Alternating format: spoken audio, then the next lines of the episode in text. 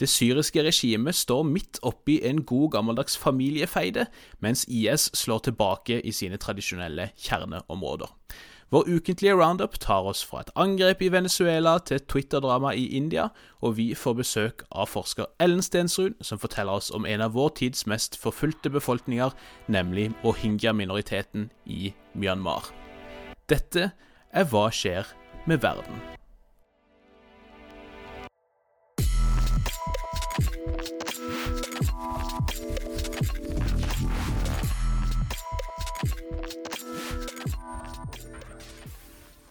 Hei og god formiddag, Nick. Hei, hei. Det er nok en mandag og nok en episode, og det er jo nok av ting som har gått galt i verden siste uke også, så vi har jo mye å ta for oss også i eh, dag. I denne podkasten Hva skjer med verden?, som er for deg som ønsker å holde deg oppdatert på det som skjer der ute, uten å måtte legge inn så veldig mye innsats for å holde deg oppdatert. da. Eh, det er en drøy påstand, kanskje, men det er i hvert fall det vi prøver å hjelpe deg med, ikke sant, Nick? Vi abonnerer på Twitter-kontoer for deg. det er jo den korte forklaringa på denne prosessen, det kan du godt si. For hvis du kan holde deg unna Twitter, så kommer du nok bedre ut av, av ting enn det vi gjør, vil jeg tro. Så eh, vær så god for det, altså. Har du kontroll på kaffen? Du er tilbake på jobb?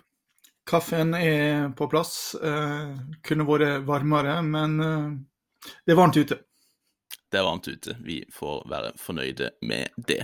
Jeg ser at du har på deg en pologenser, som jo er passende for en akademiker, men jeg kan ikke se at du går med noen pins på deg. Men sånne pins er jo litt i vinden nå for tida, Nick. Og det er jo noe du har fulgt med litt på. Ja, det er jo ikke helt VM 94-craze uh, på, på, pins, men uh, vi har jo lagt merke til at uh, norske politikere osv. har begynt å bruke FN-pins. Riktig, riktig. Så, og, det, og, det, er jo interessant i, i, disse dager. altså Hvem er det man velger å støtte? vi tar åpenbart den globalistiske holdninga. Det er særlig interessant hvis vi tar et lite hopp over til naboen vår i øst, Sverige. Der har man nemlig begynt å bruke nasjonalistiske pins. Der er det svenske flagg, og der er det liksom Sverige. Så, det, og dette er jo lett å se i sammenheng med all den kritikken som har kommet utenfra om koronabehandlinga osv. Mm. At Sverige har gått alene. og Nå, nå slutter man rekkene. Så Sverige, som liksom har vært globalismen og multikulturalismen sin, sin høyborg, eller skrekkscenario, har jo nå plutselig da blitt nasjonalismen og kapitalismen sin høyborg. Riktig. Så ja, det, det, er ikke lett å være høyrepopulister i Norge i dag. Dette kan fort bli en kognitiv dissonans. Uff, uff, uff, uff. Jeg har jo sett noen på vår egen eh, høyreside være mindre happy over disse FN-pinsene, riktignok. Men eh, som eh, Vår Herre sa da han skapte torsken, man kan ikke gjøre alle til laks, kan man vel, eh, Nick? Nei, det er nok eh, en presis observasjon.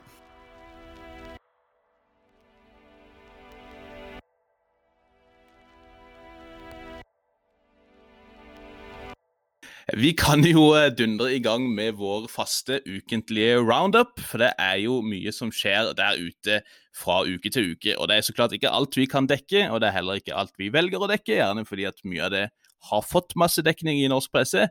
Eh, men vi kan jo nevne bare til starten nå at vi eh, sist uke snakka om Kim Jong-un og hans helsetilstand. Det var jo masse uklarhet rundt dette, men han lever, ser det ut som. Kim har i hvert fall vist seg offentlig og deltok i åpninga av var det en gjødselfabrikk eller noe sånt, tror jeg.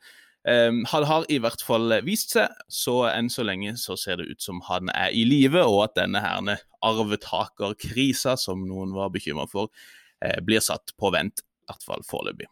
Jeg regner med Bjørnar, at du, du, er litt lett over at han i, i det minste venta et par uker etter påske før han oppsto igjen? Yes, det er noe med å Å ikke stjele fokuset fra viktigere ting. Absolutt. Absolutt. Eh, vi kan bevege oss til Syria, som jo har fått masse oppmerksomhet lenge, så klart, men som dessverre ikke slutter å by på viktige og tidvis ganske overraskende utviklinger. Før vi går inn i noen av disse seneste og kanskje viktigste utviklingene, så kan vi jo nevne at det Sist uke var en eh, bilbombe som gikk av i Afrin i nordvest-Syria, i et område som tidligere eh, har vært under kurdisk kontroll, og som siden har blitt tatt tilbake av eh, tyrkere med da, sine allierte. Og denne bilbomba som detonerte i Afrin, skal ha drept over 40 sivile, primært. Tyrkia hevder at denne kurdiske organisasjonen YPG står bak. Um, de har stått bak slike typer angrep tidligere, så det er ikke utenkelig. Men YPG har i hvert fall nekta for dette her. Og det er så klart noe de kunne gjort etter å ha sett hvor galt det gikk, holdt på å si. Men enn så lenge så er det altså uklart hvem som sto bak.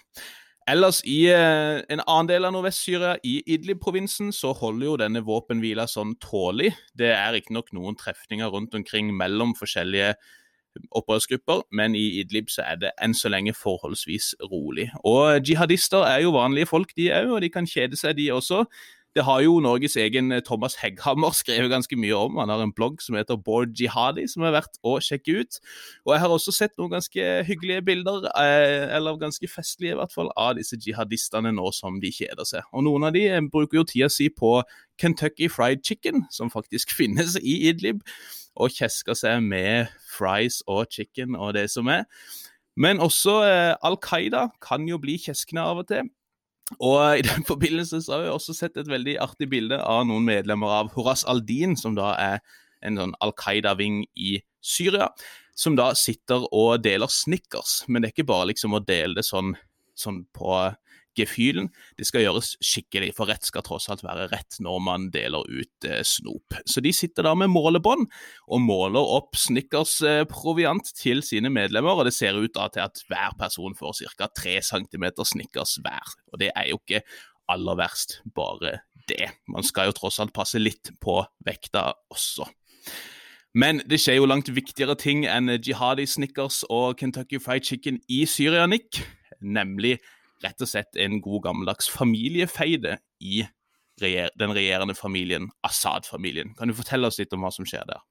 Altså, Det har gått rykte i månedsvis om at det var en konflikt eh, mellom to fraksjoner. På den ene siden så har du Assad, og på den andre siden så har du hans fetter Rami Makhlouf.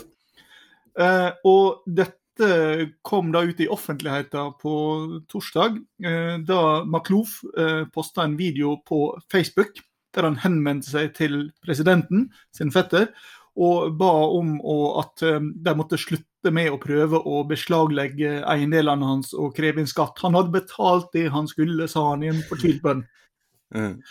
Det, det, som er åpenbart, det er jo da at Maklouf, som på mange måter har vært familiens finansminister, eh, har havna i unåde. Det som er mm. litt mer uklart, det er hva som er den direkte bakgrunnen. Eh, det er åpenbart eh, at det handler om at den syriske økonomien eh, ikke går veldig bra, som man kunne mm. forvente. Yep. En del av dette handler om Russland og forholdet til Russland. De har begynt å kreve at Assad nå må begynne å betale for all den bensinen de har sendt hans vei. Eh, og Assad har prøvd å få Maklouf, som har store verdier eh, rundt omkring i den arabiske verden, til å betale for dette, men han har nekta. Mm. Eh, og så er det da generelt konflikter i familien fordi det er stadig mindre å fordele. Altså man, mm, mm. man kan rett og slett ikke betale seg ut av de problemene som er der. En annen del av dette her er at Makloof tilhører hardlinerne i familien, som ønsker mer brutal bruk av militær makt mot opposisjon som er imot reformer, f.eks. når det gjelder kvinners tilgang til, til samfunnet, altså likestilling i store hele. Mm -hmm. Og dette gjør at han havner i konflikt med Russland. Altså, Putin ønsker at man skal finne fram til noen kompromiss som kan gjøre slutt på denne konflikten. Den er mm. dyr også for Russland. De kan ikke finansiere dette her i all evighet. Um, og media og tenketanker med bånd til Kreml har publisert kraftig kritikk mot Assad i det siste, som er et tydelig signal om at tålmodigheten begynner å ta slutt. Og det er jo liksom, eh, det er jo ikke sånn at Syria er et liksom, Vietnam for eh, Russland. Det vil jo være å dra det for langt, men det er etter hvert nokså brysomt. Og Assad har på en måte fått betydd det han kunne bety for eh, Putin, ser det ut som eh, til nå. Og Putin har jo nok av ting å deale med hjemme, men økonomi som også lider av disse fallende oljeprisene, annet. Så, så det er jo grunner til at russerne ønsker å prøve å bare få forhandla en slutt på dette her, da, noe Assad-familien tilsynelatende står i veien for. Definitivt. Og så har du en, en tredje, eller fjerde, vi kanskje kommet enda til dimensjon her. Og det er at uh, altså, Makluf-familien har hatt en uh, ja, hva var det de sa om Mette-Marit? Utagerende livsstil. og eh, protestene i 2011 eh, retta seg i stor grad mot nettopp Makluf og, og, hans familie og måten de levde på, mens vanlige syrere hadde en helt annen levestandard. Ja, For å sette litt i perspektiv, der, så vil du kunne se sønnene hans legge ut masse bilder på sosiale medier der de er rundt på vannskutere og har palasser med Bentleyer og Rolls-Roycer foran og lever i sus og eh, såkalt dus. Så eh, det er forståelig at det er mye frustrasjon retta mot eh, denne familien som lever under så overdådige forhold sammenligna med resten av landet. da. Ja, og Frykten til Assad nå er jo at dette kan utløse nye protester av den type du så i 2011, og dermed starte hele greia på nytt igjen. Nettopp. Og, og vi ser jo allerede, altså, om du vil kalle det nye opprør, eller at det er opprør som blusser opp igjen, men i Dara sørvest, altså mot grensa til Israel, så har man jo sett en økning i geriljavirksomheter. Det er ikke ennå sånn at det er et åpent opprør der opprørsgrupper har kontroll over territorium, men man har sett en, en eh, ja, tiltagende trend med væpna trefninger der, og også IS-aktivitet faktisk i de områdene der. Alt har jo tyda på at Assad kommer til å bli vinneren, og det er mye sånn diplomatisk manøvrering i Midtøsten også som tyder på at nabolandene er innstilt på at Assad er kommet for å bli. Men eh, det er klart med sånne familiefeider så vet man aldri helt hvordan det ender. Og det er klart når, når russerne blir lei også, så kan et og annet eh, skje. Så det blir veldig spennende og følge med på Syria også i tida fremover. Apropos drama på sosiale medier, Nick, så er det jo verdt å nevne noe drama i India. Da er det et uh, medlem av det indiske parlament, parlamentet, en opposisjonspolitiker som het Gandhi til etternavn, etter det jeg fikk med meg, som uh, uttrykka fortvilelse og nærmest sjokk og vantro da han registrerte at uh, Trump og Det hvite hus hadde unfollowa Modi presidenten da i India på Twitter. Og det går jo ikke an, kan du skjønne, så han hadde da sagt fra til eh, utenrikskomiteen, tror jeg det var, om at eh, dette her, uh, dette går ikke an. Det, etter det jeg skjønner, så tror jeg faktisk Modi er en av de eneste statslederne Trump følger på Twitter. Eh, og det har vel blitt sett på som en sånn indikasjon da, på denne tiltakende bromansen mellom Trump og Modi, men det kan jo se ut som den pendelen begynner å svinge i motsatt retning igjen. Noen andre som kanskje kjenner på eh, at eh, denne mandagen er litt ekstra blå, Nick, det er jo eh, Bolsonaro, som vi var innom sist uke. Og du har jo nye oppdateringer fra situasjonen rundt Brasils president også. Kan du fortelle litt om hva som har skjedd der? Ja, altså eh, Kort fortalt så har eh, den brasilianske høyesterett sagt ja til å åpne etterforskning mot Bolsonaro. Det er i fortsettelsen av eh, det vi var innom forrige uke, nemlig at hans justisminister eh, gikk av i protest mot at en politisjef ble avsatt. Mm. Og eh, Anklagene nå som skal etterforskes, er da nettopp at Bolsonaro seg inn i etterforskningen av korrupsjon og, uh, i familien hans. Og Det er da selv de to sønnene som er under etterforskning for, for underslag.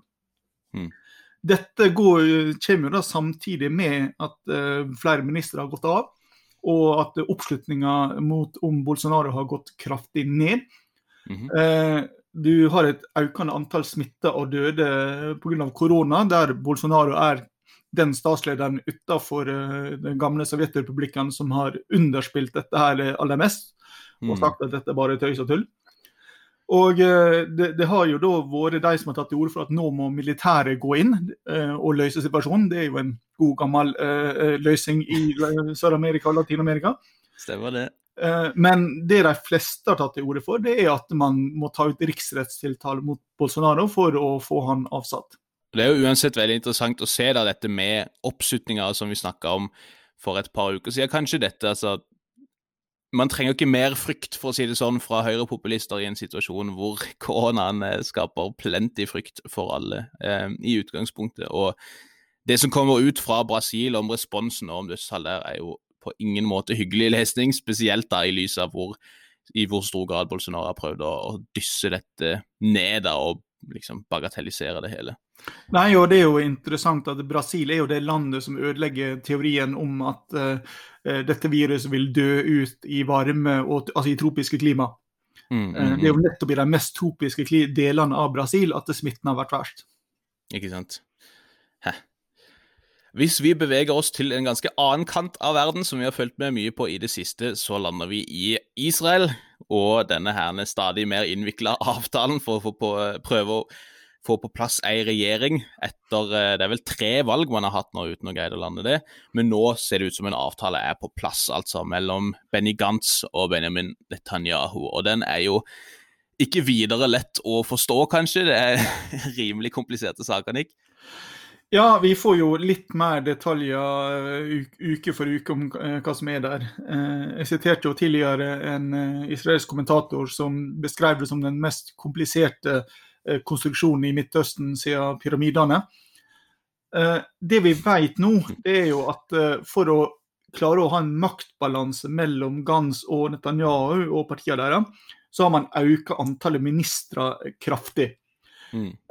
Og det man får når man øker antallet ministre, er jo en økning i antallet byråkrater. Altså, dette er digert byråkrati man nå har laga. Og hva mm. som blir resultatet av dette, og ansvarsområder, fordelinger og og, og dermed muligheter for å faktisk ha et effektivt styre i Israel, det er, er høyst uklart. Ja, ja. Som vi nevnte sist, så skal jo da Gans og Netanyahu eh, sitte 18 måneder hver. Med Netanyahu først, og så Gans. Den andre skal da være visestatsminister når den første er eh, statsminister. Det betyr at de skal ha to parallelle statsministeradministrasjoner under seg. Og de skal ha to offisielle residenser samtidig. Så de, de, skal liksom være formelt likestilte hele tida. Altså, altså, her er det jo også noen stort, stor suppe av eh...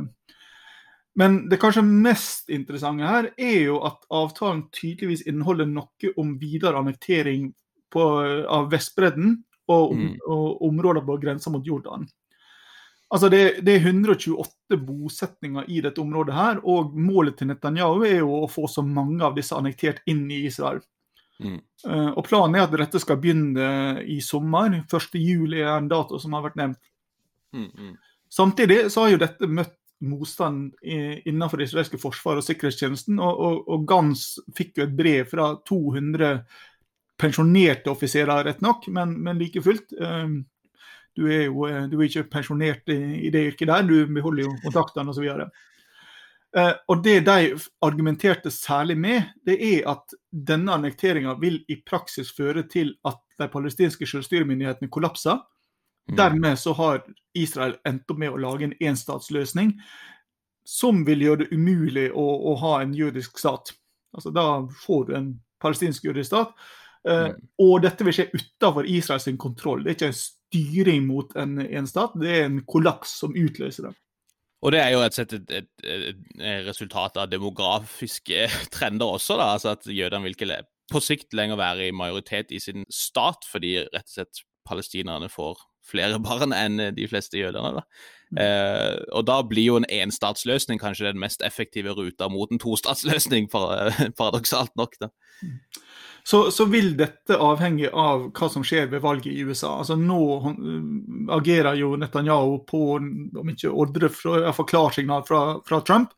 Mm. Eh, det er ikke like klart at en ny demokratisk president, Joe Biden antageligvis, eh, vil være like velvillig til den utviklinga. Og alt det juridiske som skal på plass for å få disse her eh, områdene inn i Israel, vil neppe være ferdig før, eh, før valget i november. Riktig. Så ja, det, igjen, denne avtalen er eh, uklar, porøs, eh, og den kan blåse opp når som helst. Så om vi, mm. det er fortsatt uklart om vi får et fjerde valg, eller om de faktisk klarer å sitte ut perioder.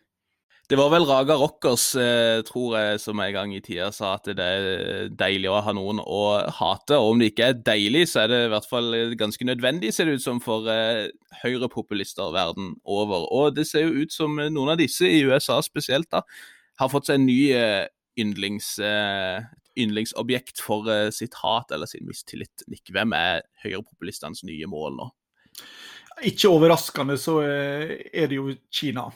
Ja. Eh, og eh, de prøver jo absolutt alt nå for å eh, skifte oppmerksomheten bort fra sin egen dårlige håndtering av koronakrisa. eh, og mangelfulle svar på de problemene som, som har oppstått i etterkant av den. Og Det fører jo da til at man prøver å rette oppmerksomheten mot Kina og Kinas manglende behandling av korona, altså skyld for utbruddet. Mm. Men samtidig så har jo nå da Trump og eh, faktisk Scott Morrison i Australia også begynt å kjøre fram en ja, jeg vil kalle det en konspirasjonsteori om at eh, dette viruset egentlig kom fra et militært laboratorium i Wuhan.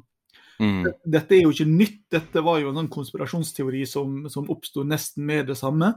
Men at den nå blir uttalt av statsledere på eh, direkte TV, eh, det er noe nytt. Mm. Og det, det har jo da kommet krav om eh, internasjonal etterforskning, selv om da etterretningstjenestene både i Australia og USA sier at det her er det ikke noe bevis for at dette kom fra et statlig laboratorium. Mm. Mm. I USA så har jo republikanske politikere og også noen delstater tatt til orde for at man skal fjerne den eh, diplomatiske immuniteten til Kina, slik at man kan gå til søksmål og kreve kompensasjon for de utgiftene man nå har hatt eh, etter korona. Mm. Eh, og, og det vil jo utløse en handelskrig på et helt annet nivå enn det vi har sett, hvis USA skal begynne å prøve å innkreve eh, det de eventuelt skulle få etter spørsmålet. Ja. Hvor står, eh, hvor står da Europa i, eh, i dette her, da? Som står liksom midt, midt mellom både geografisk og politisk på mange måter. Nei, De står jo fullstendig i skvis. De ønsker jo definitivt ikke en handelskrig. Um, og de ønsker i hvert fall ikke en handelskrig som er fullstendig uten ledelse. altså Der, Mm. det, ikke, der det ikke er klart hva man ønsker å oppnå, og der det ikke er klart hva, man ønsker, hva slags utveier som finnes ut av dette her. Mm. Så ja, det, dette er ikke en lykkelig tid. Hvis vi beveger oss tilbake igjen til Sør-Amerika, så, så har vi jo tidligere vært inne om så vidt da Venezuela, og hvordan det ser ut som Trump-administrasjonen er ganske hyppe på å bli kvitt dette Maduro-regimet, som tok over etter Chávez-regimet, og som også er ganske så hardt ute på venstresida, og ikke passer veldig godt med hvordan USA ser for seg at nabolaget sitt skal se ut, for å si det på en litt diplomatisk måte. Og der har det jo skjedd noen interessante ting i det siste. Og det er egentlig nokså sprøtt, for altså The Associated Press, eller Ap, publiserte nå i helga en artikkel, en lang artikkel, om en eh, etterforskning de hadde gjort, basically, om noe som skjedde i Venezuela i fjor, eh, ja, primært på våren og sommeren. Eh, hvor en tidligere amerikansk spesialsoldat kalt Jordan Goodrow og noen av hans eh, kompanjonger i, eh, blant den venezuelanske opposisjonen hadde prøvd å iverksette et militært kupp og et slags opprør mot dette Maduro-regimet etter den uroen som var i Caracas i fjor vår. Og dette forsøket her, det skal være snakk om at de har hatt en 300 mann som var veldig dårlig utrusta og dårlig trent. og det var i det hele tatt ganske urealistisk, og det gikk rett og slett ganske rojalt på trynet. Um, men der dette ble skrevet som om det var historie, så kom det jo da meldinger et par dager etter dette ble publisert på søndag, om at et nytt angrep hadde skjedd i Venezuela. Myndighetene i Venezuela hevda at de hadde stoppa et angrep fra terrorister som kom fra Colombia og angrep Venezuelas kyst, og at de hadde drept åtte angripere. De har ikke ennå vist noe mer bevis enn eh, noen eh, pickuper som de vel har konfiskert, og noe ammunisjon og en, eh, et lik. Men de hevder altså at de har stoppa dette angrepet. Den politiske opposisjonen i eh, Venezuela, inkludert han Guaidó, jeg har sagt at dette nok bare er oppkok fra regimet, som de bruker for å prøve å få vekk oppmerksomheten fra situasjonen i landet.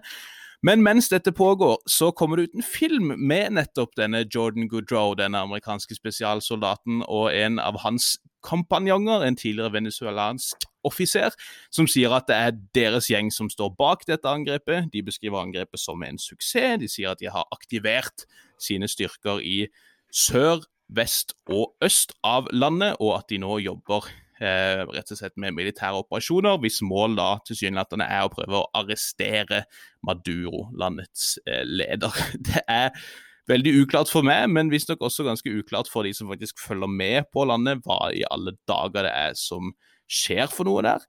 Eh, vi vet jo at det er en aktiv opposisjon mot Maduro-regimet som har base i Colombia, og vi vet også at Trump-regimet er ganske kine på å bli kvitt Maduro. Denne Ap-etterforskninga antyder at det ikke hadde vært noen kontakt mellom han her Goodrow og Trump-administrasjonen, selv om han visstnok kjente um, livvakta til Trump. Men uh, det hele er ganske mystisk, og uh, vi skal nok ikke gå så mye mer inn i dette nå, rett og slett fordi vi ikke vet mer. Men det er verdt å holde et lite øye med hva i alle dager det er som skjer der. Så skal vi prøve å komme tilbake med litt opplysninger derfra når vi har de.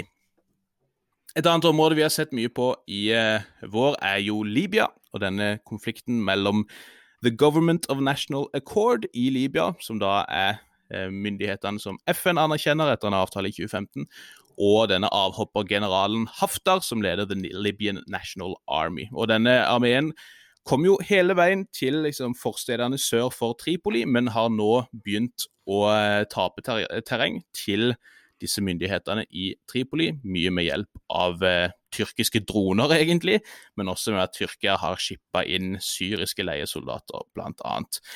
Det vi skal snakke om bare kort nå, er at Haftar sist uke i praksis erklærte at det militære nå skulle ta kontroll over østlige Libya, der han per dags dato har kontroll, eh, og med det da sier opp denne avtalen fra 2015 som oppretta The Government of National Accord, der man da hadde sivile styringsmyndigheter øst i landet. Nå framer jo da eh, GNA i Tripoli og europeiske stater bl.a. dette som et militært kupp i praksis. Det er noe Haftar har gjort en rekke ganger før, eller har prøvd på. Så det er i og for seg ikke noe nytt, men det høres altså ut som militæret nå prøver å ta kontroll. Han har ikke sagt eksplisitt hvordan strukturer kommer til å se ut, hva dette vil bety i praksis, eller noe sånt, men til og med russerne sier at de er overraska. Akkurat det vet jeg ikke hvor eh, mye vi skal tro på, men det virker som faktisk russerne også er misfornøyde og syns at dette er ganske drøyt. Eh, så det er veldig interessant, bare det. For øvrig så er det også noen indikasjoner om at det ikke bare er tyrkerne som har sendt inn syriske leiesoldater, men at også russerne har sendt noen styrker som da har kjempa for Assad-regimet til eh, Eller i hvert fall denne Wagner-gruppa da har sendt de til Libya for å kjempe for Haftar. Så det er en ganske sånn uklar situasjon også der. Det som så ut som at Haftar ville kunne ta kontroll over hele landet, har nå blitt reversert. Og eh, så får vi se om han ender opp som en krigsherre i øst, eller om han kanskje blir pusha helt ut på sjøen igjen.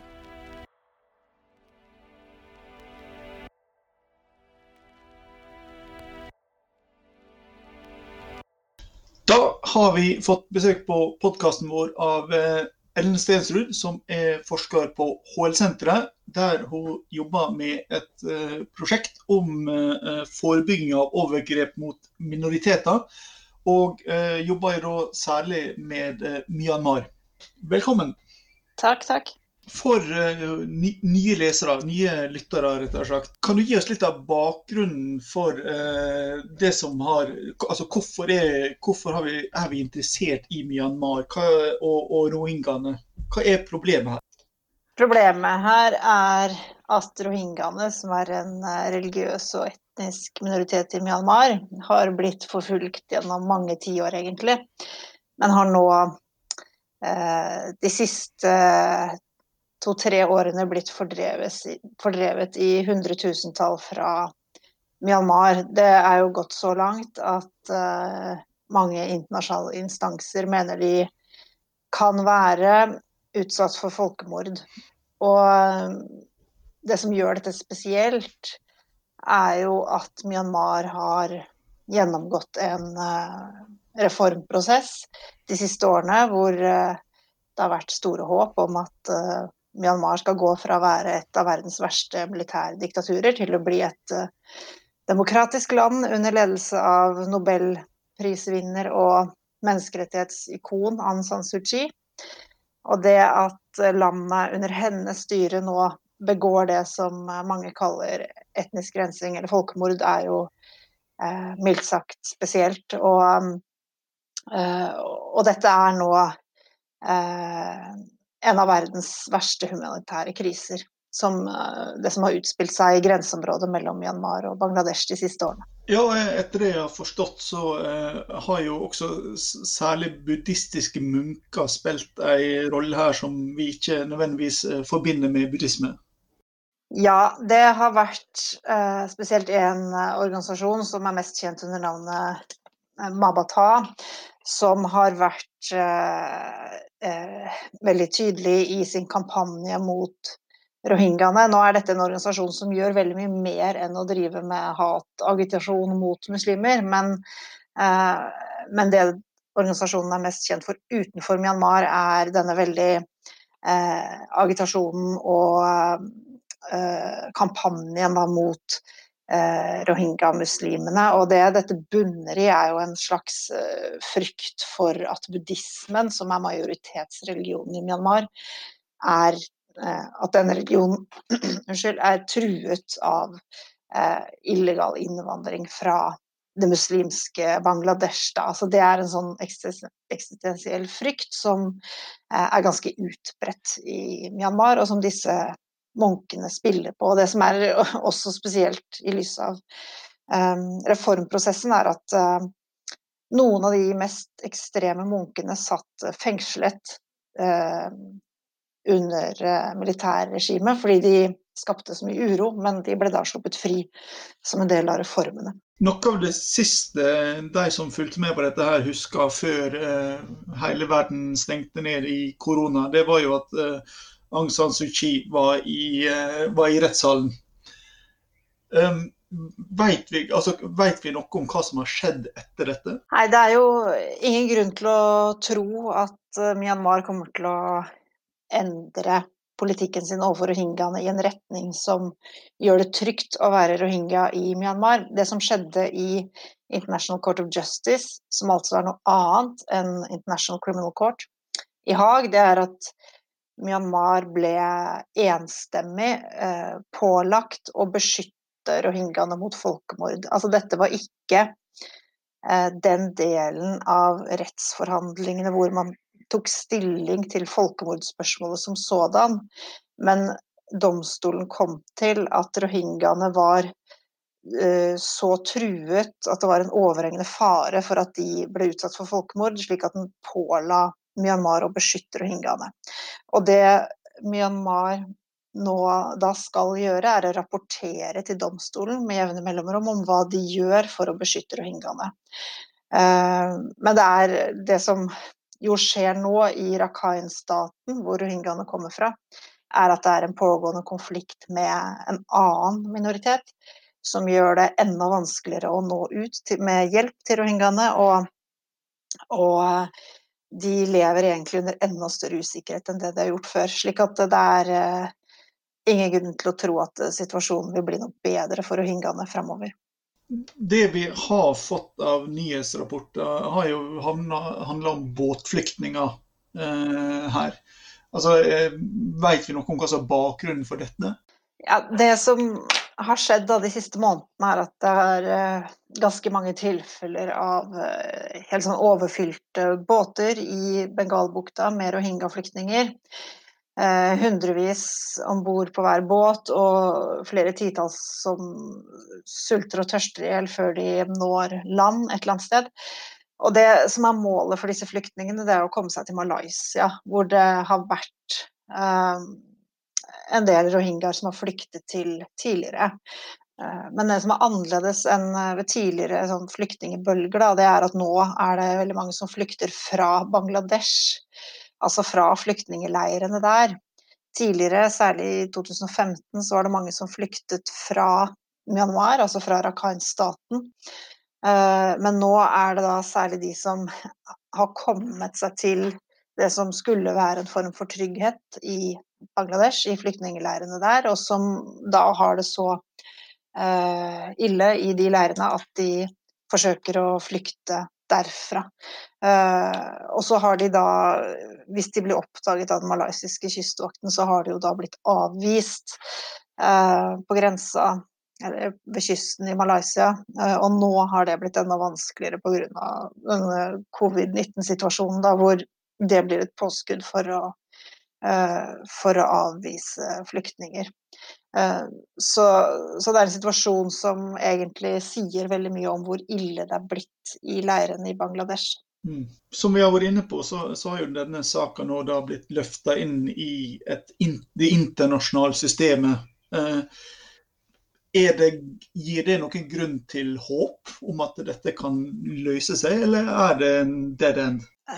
Ja, jeg vet ikke. Jeg syns Det som er litt nytt med den kjennelsen som kom fra International Court of Justice, det er at ved å dele opp saken i to steg, altså først Det som skjedde i januar, var at domstolen tok stilling til om rohingyaene var eh, eh, truet, altså om det var en risiko for folkemord. Og så vil den neste delen av rettsforhandlingene ta stilling til selve folkemordspørsmålet, om det har funnet sted. Og ved å dele opp rettssaken på den måten, så, så gir International Court of Justice Myanmar en mulighet til å forbedre seg, altså til å rapportere og til å vise at de beskytter rohingyaene, for å da i neste runde unngå folkemorddommen. Eh, så det er kanskje et håp at Altså håpet må være at Myanmar så sterkt ønsker å unngå en folkemordkjennelse at de er villige til å bedre forholdene for rohingyaene. Men jeg må si at jeg kan ikke se uh, at det skal være politisk uh, mulig i Myanmar, særlig siden det er valg i år, å gjøre noe som virkelig hjelper rohingyaene, som vil være å gi de politiske rettigheter i, i Myanmar. Det er ikke støtte for det i befolkningen. Og snarere så mener jeg det er grunn til å frykte at uh, valgkampen vil uh, gjøre situasjonen for muslimene enda verre.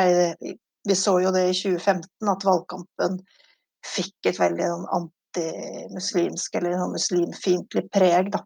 Og ingen ønsket å å, å uttrykke noe støtte til rohingyaene av den grunn. Ja, er jo, vi er jo borte her i, i, i to farlige uh, perioder i, i, denne type prosesser, nemlig uh, demokratisering og valg.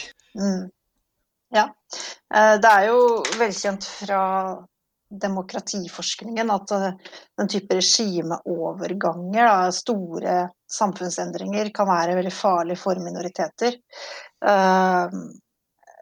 Og det, er flere grunner til det. I Myanmar så, så, har nok denne store endringen fra militærdiktatur til et eller annet sånn type hybridregime ført til en grunnleggende usikkerhet i befolkningen om hva fremtiden bringer. Og, og da har det, har det vært lett å spille opp under denne frykten for illegal innvandring og for at buddhismen er truet osv. Eh, en annen side ved den type overganger er jo at det i et demokratisk samfunn så er det behov for å eh, definere hvem som er eh, demos, altså hvem er folket. Man må ha en eller annen form for frivillig oppslutning om staten, altså om ideen om en stat. Om en nasjonalstat, gjerne, da. Og, og den, det behovet for en sånn frivillig eh, tilslutning til nasjonalstaten fra folket gjør at det, blir, det, gjerne kommer til den type mekanismer hvor man tydeligere må definere hvem som er utenfor og hvem som er innenfor. og det, Begge disse prosessene har vi sett i Myanmar. Men så er det også det som har vært veldig tydelig i Myanmar, har også vært helt konkret det at åpningen av ytringsrommet, uh, muligheten for å holde demonstrasjoner, for å ytre seg, og f.eks. løslatelsen av disse ekstreme munkene, slike ting, har helt konkret ført til økt uh, agitasjon mot muslimene. Hvis vi ser på dette her eh, regionalt og storpolitisk, så har jo Kina ikke spilt en aktiv rolle, men de har jo spilt en rolle i den forstand at det, det er vanskelig å, å, å, være offensiv overfor regimet i Myanmar uten at Kina godkjenner det. Nå kan vi jo tenke oss at Kina har et visst behov for eh, positiv omtale. Eh, der, kan du tenke deg at der er det en mulighet for å at verdenssamfunnet kan få gjort litt mer? Nei, jeg tror ikke Kina vil spille noen veldig konstruktiv rolle her. Det viktigste med Kina i denne uh, situasjonen akkurat når det gjelder rohingyaene, og det å beskytte rohingyaene, er jo at de er vetomakt i Sikkerhetsrådet, slik at Sikkerhetsrådet er lammet. Og rohingya-saken er jo en av de få store konfliktene med humanitære følger hvor Sikkerhetsrådet har vært helt passivt de siste årene, hvor det ikke har kommet noen ting ut av Sikkerhetsrådet. Um, så Det er det ene med Kina, at de selvfølgelig blokkerer det. Det andre er jo at uh, Kina er selvfølgelig viktig for Myanmar, men Myanmar er også viktig for Kina. Det er ikke slik at ikke uh, er ikke slik at denne avhengigheten bare går den ene veien. Myanmar er uh, en forsyningsrute kan du si, til Kina. Det blir bygget både gassrørledninger og, og tog, veiforbindelse fra Eh, fra kysten av eh, Myanmar og gjennom Myanmar og inn i Kina. Og dette vil være en forsyningsrute som geopolitisk er veldig viktig for Kina, for da behøver ikke forsyninger gå gjennom Mellakastredet, eh, hvor det jo er USAs allierte som bestemmer. slik at eh, Myanmar er altså viktig for Kina.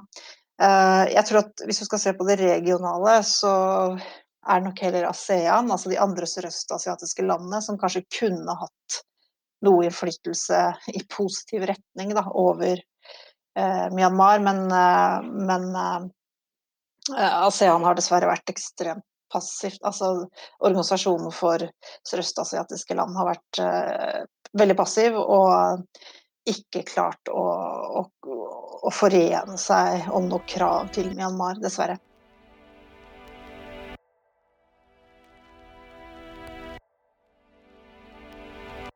absolutt alle som kaller seg eksperter, eh, sjarlataner eh, eller hva som helst, eh, som har sagt noe som helst om IS, har jo sagt at IS er ikke slått.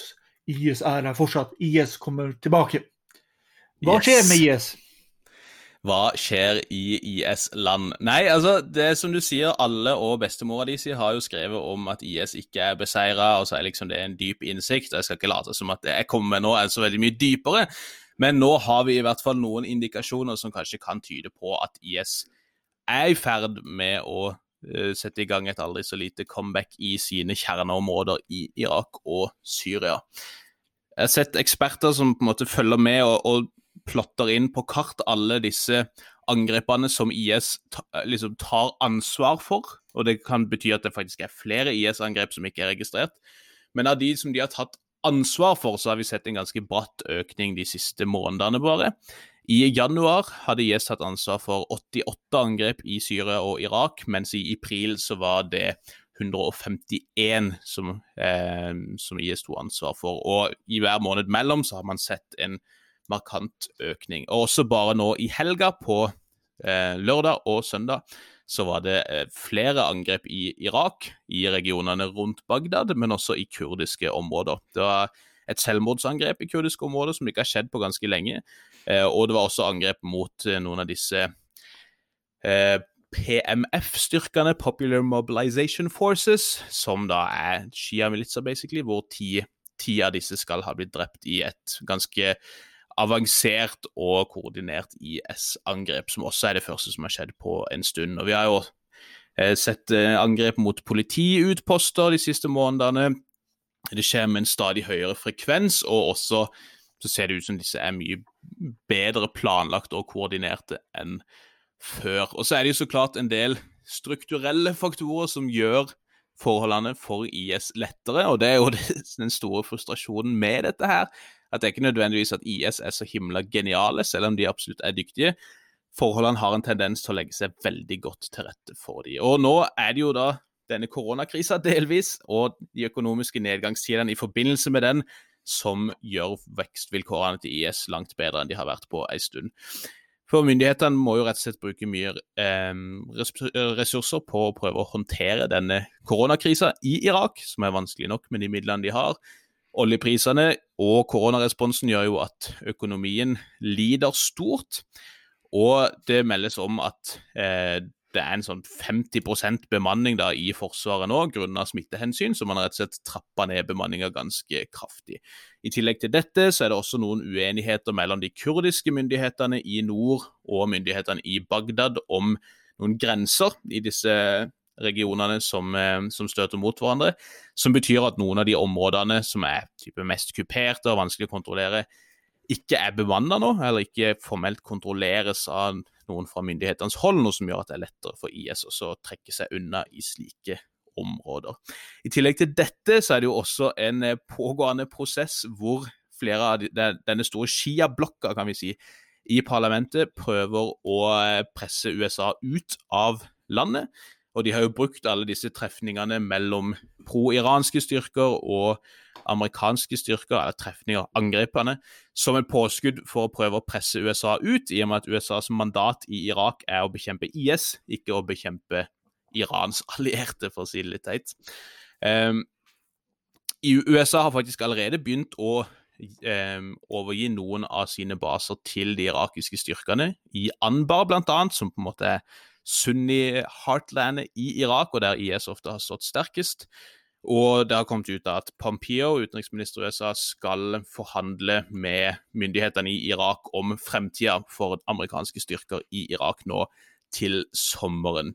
Så det er prosesser der som gjør at en del av forholdene ligner urovekkende mye på forholdene i 2011, da USA også trakk seg ut og vekstvilkårene til IS ble langt, langt bedre enn de hadde vært på lenge.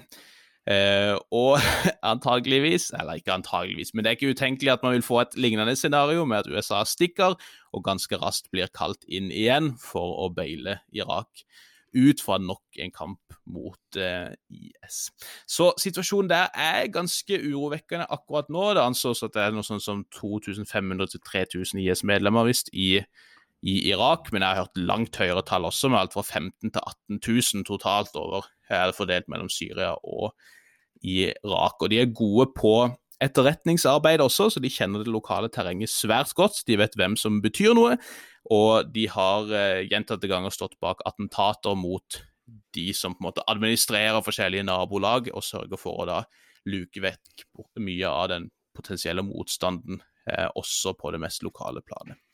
I tillegg til denne veksten eh, tilsynelatende i IS' kjerneområder i Midtøsten, så vet vi jo også hvor aktive og innflytelsesrike de andre grenene av IS verden rundt er.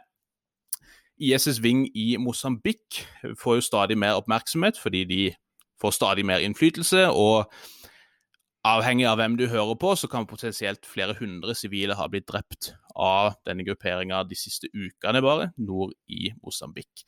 Også øst i Kongo, som vi var innom så vidt sist uke, så har man en aktiv IS-ving som også har drept flere hundre sivile siden eh, i høst. I Sahara har vi denne Islamic State of Greater Sahara, som eh, også rapporteres som vokser seg stadig sterkere, spesielt i Burkina Faso. Og En viktig liten detalj der er at det var et bilangrep nylig i Colombe i Paris, hvor en angriper da kjørte en bil inn i tre politifolk som da ble skada og heldigvis ikke drept. Det som er interessant der, er at denne angriperen skal ha sverga troskap ikke til ISs kalif, men til en kar som heter Abu Walid al-Sarawi, og som er lederen av ISGS. Så for denne angriperen så ble faktisk denne mannen da sett for å være den legitime lederen av IS, noe som kanskje vitner også om hvor innflytelsesrike den vingen har blitt, og at faktisk de også driver med internasjonale operasjoner og ikke kun opererer lokalt, sånn som man i større grad har sett med andre IS-vinger i Afrika. Da. Også IS i Vest-Afrika er svært aktive. De er jo riktignok under noe press etter de var et, uh, en mottaker for offensiven til Tsjad nylig, og også for en ny offensiv fra nigeriansk hold. Men også der rapporteres det om stadig flere massakrer, spesielt da mot lokale kristne. Det er en interessant forskjell akkurat det mellom Boko Haram og IS, bare for å nevne det kort. At Boko Haram som en slags refleksjon av dens leder Shikau, som vi snakka om, som kan fremstå som en, en uh, galning. De har jo hatt for vane å egentlig bare drepe alle sivile som ikke føyer seg, og som ikke står helt liksom, i linje med Boko Harams programmer, mens IS gjerne har blitt sett for å være noe mer moderate i møte med sivile, spesielt med muslimer. Da. Da er det kun de som blir sett for å være kollaboratører som blir eh, drept eller forfulgt. Men kristne er derimot fritt vilt, og det rapporteres fra nigerianske journalister nå om tiltagende jakt på disse kristne, spesielt på veiene i området, der IS setter opp falske checkpoints, eller rett og slett jager etter de i sine hjem. Kirker og landsbyer har blitt eh, brent ned. Og flere av disse kristne har jo da også blitt henretta i propagandafilmene til denne gruppa. Og det har jo blitt langt lettere stort sett for både IS og Boko Haram å operere i disse områdene fordi myndighetene i Nigeria gjorde det samme som Iraks soldater gjorde før IS tok kontroll der, nemlig at man samla alle styrkene i slike supercamps i svære leirer for å unngå at disse eh, så lett kunne bli overkjørt av jihadistene. Det gjør at det er lettere å holde kontroll der du er, men du sier samtidig fra det er masse kontroll i utkantsområdene, noe som gir jihadistene fritt leide der. Så både internt si, i IS' kjerneområder i Syria og Irak og rundt om i verden, så ser vi at IS i hvert fall er fortsatt svært innflytelsesrike og potensielt kan vokse seg desto sterkere. Mye avhenger nok av i hvilken grad USA spesielt da gidder å bruke tid på dette lenger, og evner å mobilisere ressursene til å gjøre det. Eh, og så får vi rett og slett bare se, som med alt annet vi snakker om eh, her. Men de siste månedenes trender lover ikke så veldig godt, dessverre.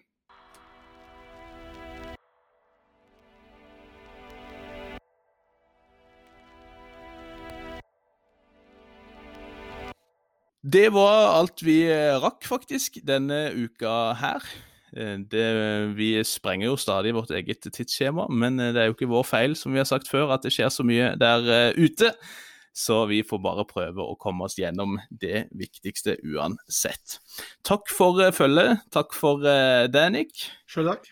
Og takk for oss. Eh, følg oss der du laster ned podkaster, følg vår YouTube-kanal Internasjonal, og følg med på førstkommende fredag 8. mai, for da slipper vi en ny spesial om frigjøring av Norge og slutten på andre verdenskrig, med nettopp Nick og vår kollega professor Bernt Hagtvedt. Vi høres da. Ha det godt.